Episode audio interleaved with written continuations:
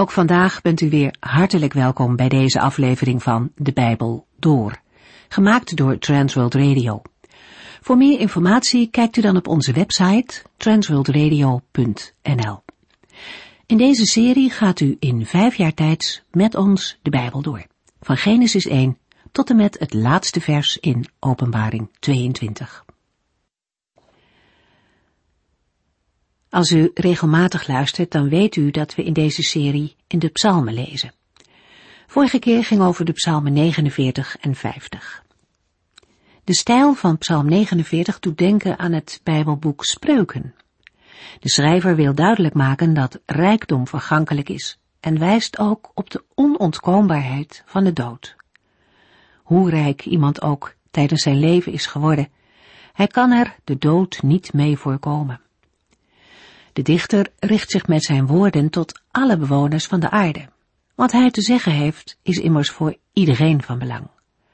Hij kon toen echter nog niet bedenken dat zijn woorden via de Bijbel over de hele wereld en door vele generaties gehoord zouden gaan worden.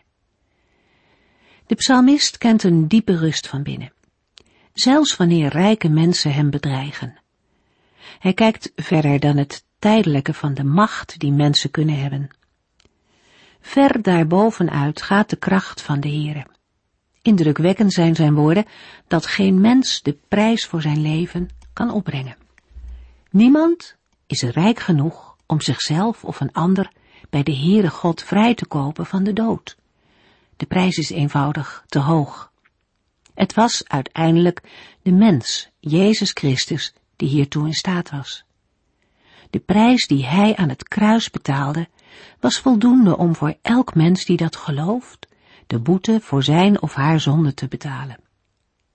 Wie zijn vertrouwen op Jezus Christus stelt, mag met de psalmist vol overtuiging zingen, mijn leven zal echter door God worden bevrijd uit de macht van het dodenrijk, want Hij zal mij bij zich opnemen.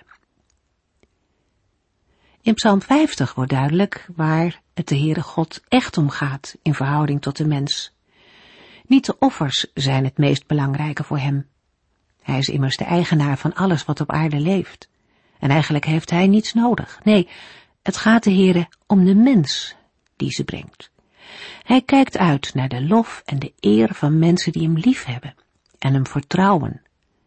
Wie in moeilijke situaties zit, mag de Heere om hulp vragen. Zo'n open en oprechte hartsrelatie, was van alle schijnheiligheid, dat is het wat de Heere zoekt. En de mens die hem daarin vertrouwt, zal steeds meer ontdekken wat Gods verlossing en heil inhoudt. Wij lezen nu Psalm 51. Psalm 51 is de vierde van de zeven boetepsalmen. De eerste drie zijn Psalm 6, 32 en 38. Alleen in de boetepsalmen wordt nadrukkelijk en uitgebreid over schuldbeleidenis geschreven. Op kleinere schaal wordt een schuldbeleidenis ook wel in andere psalmen gevonden, maar het is opvallend dat er in het Bijbelboek Psalmen in het algemeen weinig aandacht wordt besteed aan schuldbelijdenissen. Psalm 51 wordt wel gerekend tot de klaagliederen van de enkeling, maar past niet helemaal in de categorie klaagliederen. Het aspect van boete en berouw is belangrijker dan de klacht. Het opschrift van Psalm 51 geeft aan dat David de psalm heeft geschreven. Hij doet boete nadat de profeet Nathan hem gewezen heeft op zijn zonde. De psalm biedt geen sluitende aanwijzingen voor een bepaalde structuur. De inleiding vers 1 en 2 en de afsluitende woorden vers 20 en 21 zijn duidelijk te herkennen, maar het grote middengedeelte valt moeilijk in kleinere segmenten in te delen. Schuldbeleidenis, berouw en de vraag naar vergeving beperken zich niet tot een specifiek deel van de psalm, maar zijn in meer delen te vinden. Toch lijkt de nadruk in het begin van de psalm meer op het berouw te liggen en in het vervolg meer op het gebed om vergeving. Op grond van het voorgaande is de volgende indeling mogelijk. De psalm begint met de inleiding waarbij de toevoeging als historische verankering dient. Daarna volgt in de versen 3 tot en met 8 een schuldbeleidenis vanuit het hart, waarin David het berouw over zijn zonde in alle diepte naar voren brengt. Het logische gevolg van het berouw is de bede om vergeving in de versen 9 tot en met 14. En de volgende stap is het herstel tot bruikbaarheid waar David naar verlangt, in de versen 15 tot en met 19. Als afsluiting klinken in de versen 20 en 21 de woorden van voorbeden voor Jeruzalem. Psalm 51, vers 1 en 2. Een psalm van David voor de koordirigent. Deze psalm schreef David nadat de profeet Nathan bij hem was gekomen om hem te wijzen op zijn zonde met Bathsheba. De uitdrukkingen voor de koordirigent en een psalm van David komen vaak voor. Het opschrift van Psalm 51 is uitvoeriger dan meestal het geval is, vooral omdat de concrete aanleiding wordt genoemd. In Psalm 51 is dat de confrontatie die Nathan met David aangaat na het overspel met Bathsheba. De taal van de aanhef is verhullend, maar wil ongetwijfeld de seksuele relatie noemen. De bijkomende zonde van de georganiseerde dood van Uria blijft in Psalm 51 ongenoemd, maar zal zeker hebben meegespeeld in de beleidenis van de zonde. Er wordt in vers 3 gesproken over meervoudige zonden. In Psalm 51 komt naar voren wat ook in de geschiedenis van 2 Samuel 12 duidelijk wordt. David moet op zijn zonde worden gewezen, voordat er sprake is van schuldbeleidenis. Kennelijk heeft David zijn ogen voor zijn schuld en zonde kunnen sluiten. Maar als de Heere ingrijpt, door de profeet Nathan te sturen, breekt de weerstand van David. Psalm 51, vers 3 tot en met 8. Geef mij genade, o God, hoewel ik dat niet heb verdiend. Laat toch blijken hoe groot uw liefde en goedheid is. Wilt u door uw vergevende mildheid mijn zonde wegdoen? Reinig mij toch van deze zonde, die u smet op mij werpt.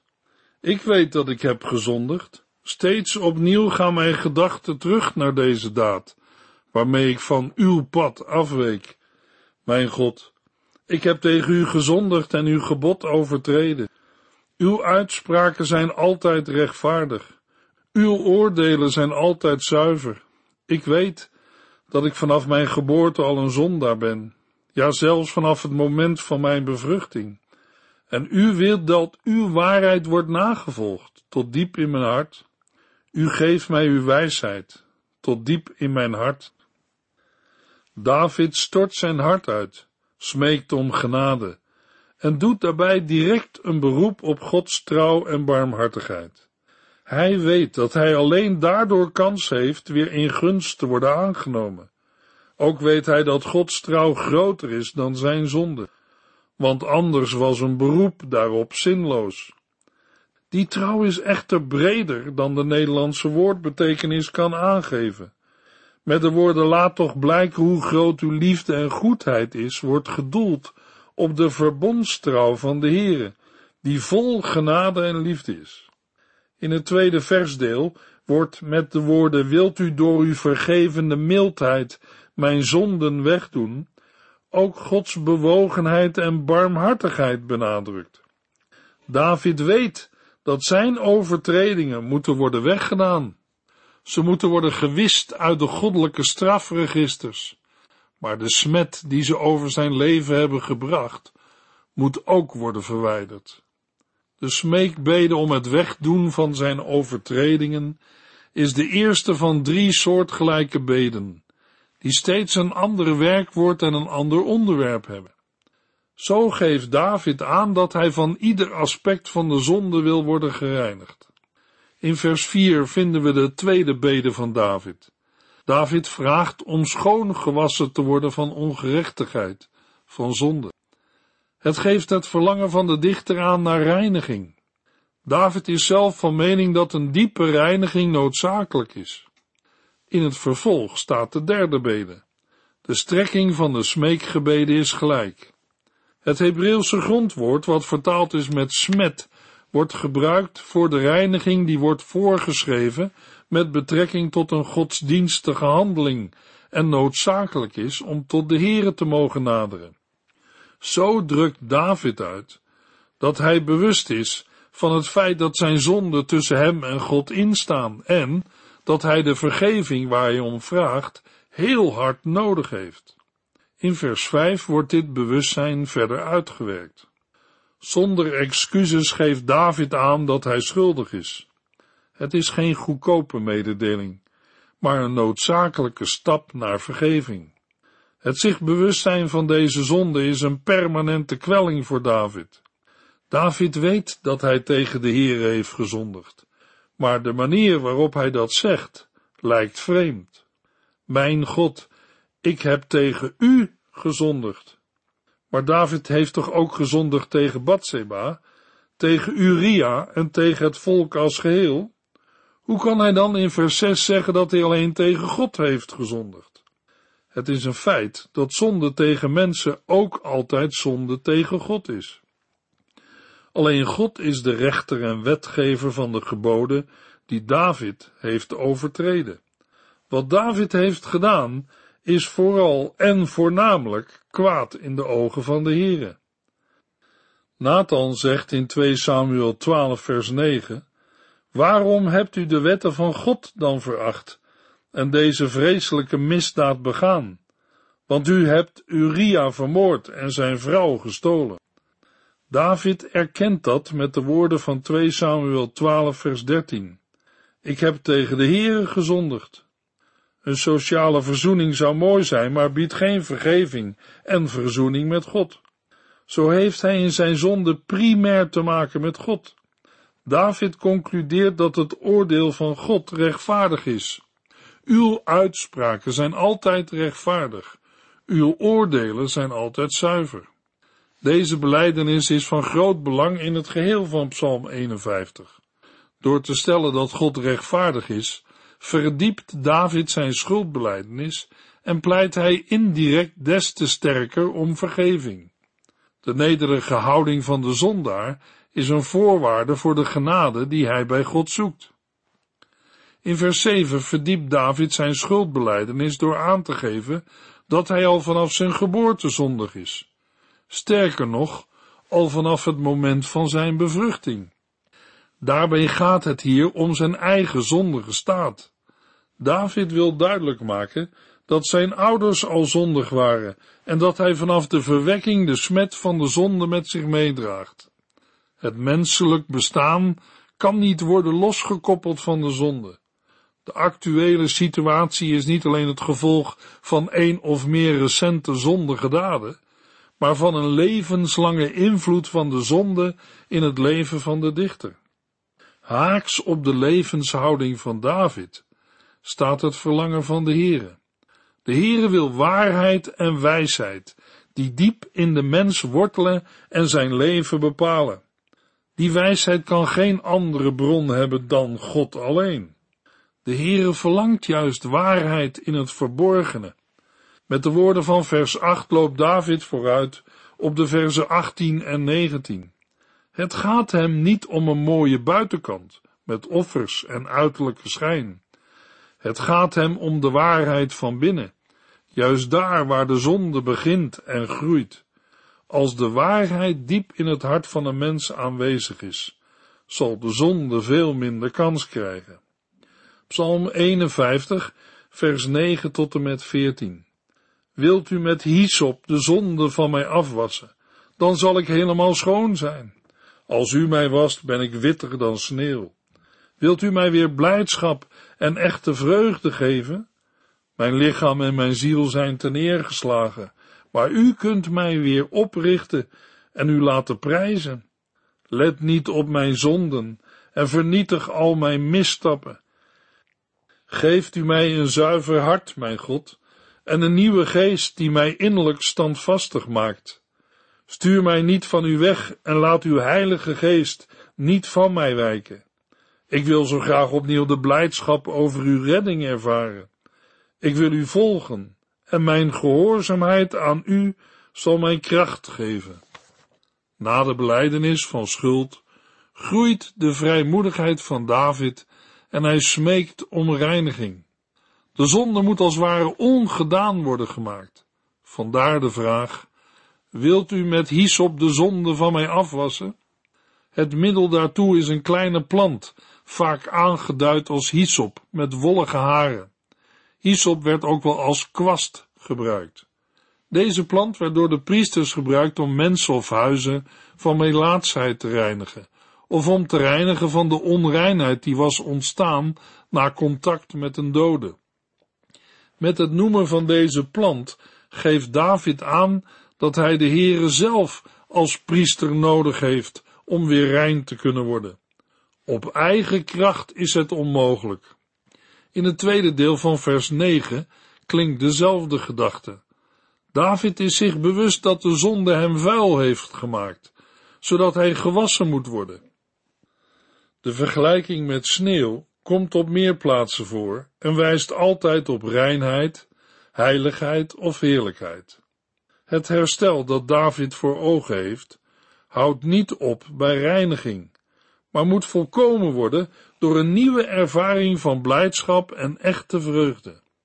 David verlangt ernaar de walging over zijn eigen zonde, die met het berouw is meegekomen, achter zich te laten en de blijdschap weer te mogen ervaren. Zolang de zonde nog tussen David en de Heere instaat, zal die blijdschap afwezig blijven. Vandaar dat David de Heere vraagt niet op zijn zonden te letten.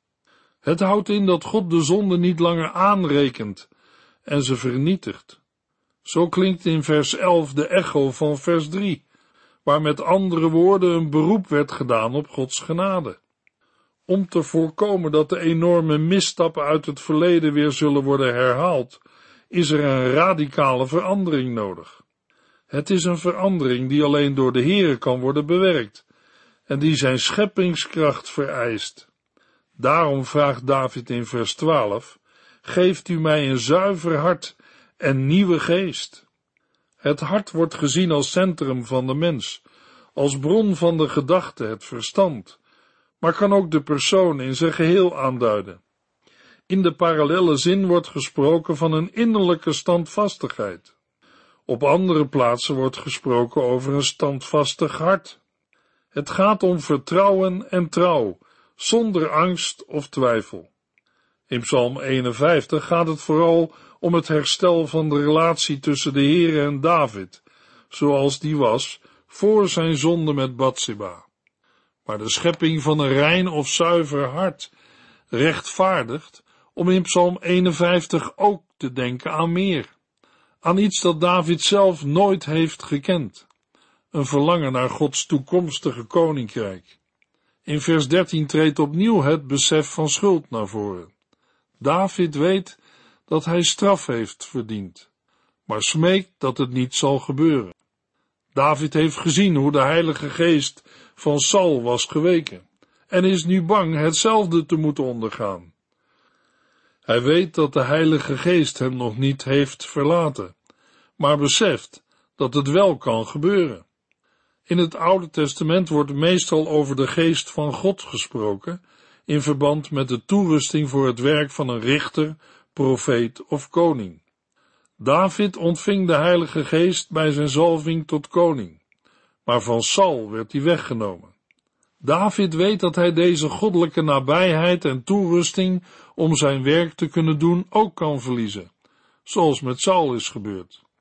Als de Heere het gebed van David verhoort, zal hij opnieuw de blijdschap over zijn redding ervaren. Hij heeft die vreugde al eerder ervaren, maar door de zonde is die blijdschap verbleekt en verdwenen. Het ervaren van deze vreugde heeft ook weer alles te maken met de aanwezigheid van Gods geest. Die geest zal hem, zijn geest, gewillig maken en ondersteunen om de wil van God te doen. Psalm 51, vers 15 tot en met 19.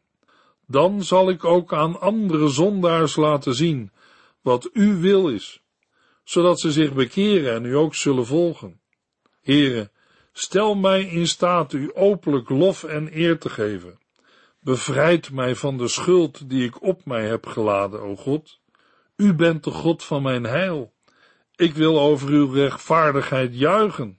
Here, stel mij in staat u openlijk lof en eer te geven, want ik weet dat u er geen prijs op stelt dat ik u nu brandoffers zou brengen.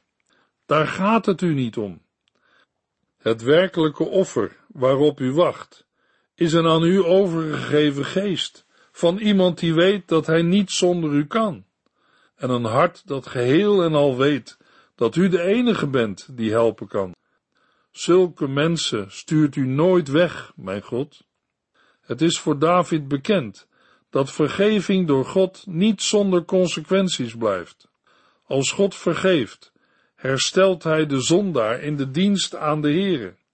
De dichter smeekt om vergeving, zodat hij weer bruikbaar zal zijn voor zijn Heer. Als de gebeden van David inderdaad zullen worden verhoord, zal hij zich inzetten voor de naleving van de wegen van de Heere. In vers 15 verwoordt David dat zijn ervaring anderen als voorbeeld kan dienen, zodat ze zich tot de Heere keren en vergeving vinden.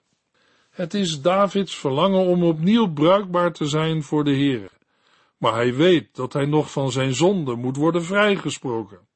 Daarom klinkt in vers 16 ineens weer een gebed om vergeving van de schuld. De rechtmatige straf voor een moordenaar was de dood, en die straf kon niet in een losprijs worden omgezet.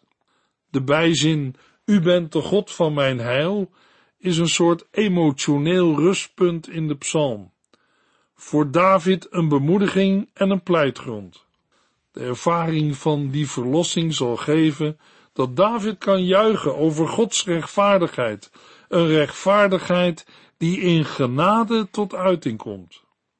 In vers 17 zien we dat het verlangen naar herstel en bruikbaarheid bij David heel sterk is. Hij wil Gods lof verkondigen, maar Gods lof vindt ten diepste zijn oorsprong in de Heere zelf. Hij moet de lippen van David openen, zodat zijn mond open gaat Daarom bidt hij, Heere, stel mij in staat u openlijk lof en eer te geven. De Heere moet zichzelf als de genadige openbaren, en dat wekt het diepe ontzag en de aanbidding bij David op. In vers 18 stelt David dat de Heere nu geen prijs stelt op brandoffers. Voor moord en overspel zijn geen offers voorgeschreven, aangezien deze zonden met de dood werden bestraft. Daarnaast moeten we in gedachten houden dat offers zonder de juiste houding zinloos zijn. In tegenstelling tot het offer moet de houding van de zondaar voorop gaan. Het ware offer is voor de Heere geen dier, maar het berouw, zoals dat in Psalm 51 naar voren komt. Het gaat de Heere om een verbroken geest en een verbrijzeld hart. Een hart dat geheel en al weet dat God de enige is die helpen kan. Een zondaar die beseft dat hij uit zichzelf niets heeft en kan inbrengen voor zijn eigen herstel. Een diep berouw over de zonde is op paradoxale wijze precies dat wat door de Heere niet veracht wordt, zodat een zondaar genade ontvangt. Zulke mensen stuurt de Heere nooit weg. Psalm 51, vers 20 en 21. Wilt u Jeruzalem zegenen en haar muren herbouwen? Dan zullen de offers die volgens de wet worden gebracht u genoegen doen. Dan zullen grote brandoffers aan u gebracht worden. Hele stieren worden op uw altaar gebracht. Het is mogelijk dat de woorden van vers 20 de laatste woorden van David zijn en dat hij voorbeden voor de stad doet. Hij heeft als koning zonde over de stad gebracht. Nu hij zich op de weg van herstel bemoedigd weet, is het voor de koning gepast dat hij voorbeden doet voor Sion, het centrum van het koninkrijk. Aan de andere kant is het waarschijnlijker dat de bede om de zegen voor Jeruzalem niet tot de oorspronkelijke tekst behoort, maar een latere toevoeging is uit de tijd van de ballingschap, vooral vanwege de bouw van de muren. Zo'n aanvulling heeft mogelijk tot doel gehad dat het berouw van de psalm collectief zou worden ervaren. Waarschijnlijk is Psalm 69, vers 36 en 37 ook een latere toevoeging. En bij Psalm 14, vers 7 valt dit eveneens te overwegen. Door een collectief berouw wordt het geestelijke en fysieke herstel door de herbouw van de verwoeste muren van Jeruzalem werkelijkheid door Gods welgevallen. Ook is het dan mogelijk te werken aan de offerdienst voor de Here. De offers die dan worden gebracht, zullen Gods gunst weer kunnen opwekken. Dan zullen de offers, die volgens de wet worden gebracht, u genoegen doen. Psalm 51 stelt berouw centraal als essentieel uitgangspunt voor het contact met de Here. Zonde, besef en berouw vormen de basis van de weg van herstel en dat is bij de Heere altijd gekoppeld aan nieuwe bruikbaarheid voor zijn doel. Psalm 51 maakt duidelijk dat godsdienstige handelingen alleen, zoals het brengen van offers, niet voldoende zijn om opnieuw vrede met God te mogen ervaren. Zo blijkt werkelijk zonder besef de noodzakelijke stap voor de ontmoeting met de Heere en het begin van de verhoring van het gebed om vergeving. Het zijn zij die een verbroken geest en een verbroken en verbrijzeld hart hebben, die tot God kunnen naderen. De Heer Jezus neemt deze gedachte over door het koninkrijk te beloven aan hen die nederig zijn van geest. Alleen als een mens zich bewust is van het feit dat hij of zij niets kan aandragen om Gods gunst te verdienen, wil de Heere zijn vergeving uit genade schenken. Paulus citeert Psalm 51 vers 6 in Romeinen 3 vers 4. Maar in feite is de strekking van de psalm aanwezig in Romeinen 1 tot en met 3. Handelend over de zonde van de mensheid en Gods verlossing door Jezus Christus. Luisteraar, heeft de Heere uw zonde vergeven? In de volgende uitzending lezen we Psalm 52 tot en met 55. U heeft geluisterd naar De Bijbel Door, in het Nederlands vertaald en bewerkt door Transworld Radio. Een programma waarin we in vijf jaar tijd de hele Bijbel doorgaan. Als u wilt reageren op deze uitzending of u heeft vragen, dan kunt u contact met ons opnemen. Tijdens kantooruren kunt u bellen op 0342 47 8432 0342 47 8432. Ook kunt u een e-mail sturen naar de Bijbel transworldradio.nl en natuurlijk kunt u ook via de post ons bereiken. TWR, postbus 371, postcode 3770, AJ in Barneveld. Dit programma werd gepresenteerd door Cor Weda en Ike André. Techniek was in handen van Odin van Voerkom. En wij allemaal bedanken u voor het luisteren. Graag tot de volgende keer.